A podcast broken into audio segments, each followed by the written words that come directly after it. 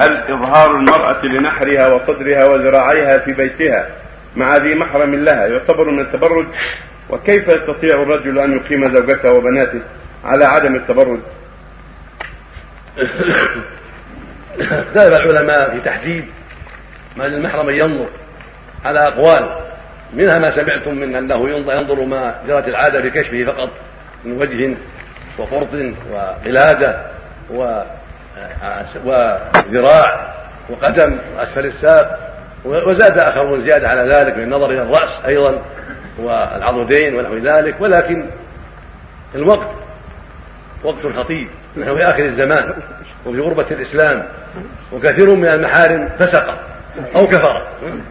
لا يؤمنون على محارمهم والعياذ بالله فينبغي لها التستر مهما أمكن ولا تأخذ بالرخص الزائدة. بل مهما أمكن أن لا يظهر منها إلا ما جرت به العادة من وجه وكفين وقدمين فهو أولى بها وأسلم لها ولا سيما عند الخلوة بمحرمها أخيها الفاسق أو عمها الفاسق أو خالها الفاسق فإن هذا فيه خطر عظيم.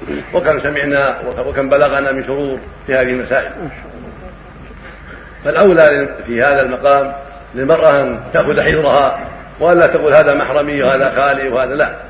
ولا سيما إذا خلا بها ما عندهما أحد فإن الأمر فيه خطورة في هذا الوقت.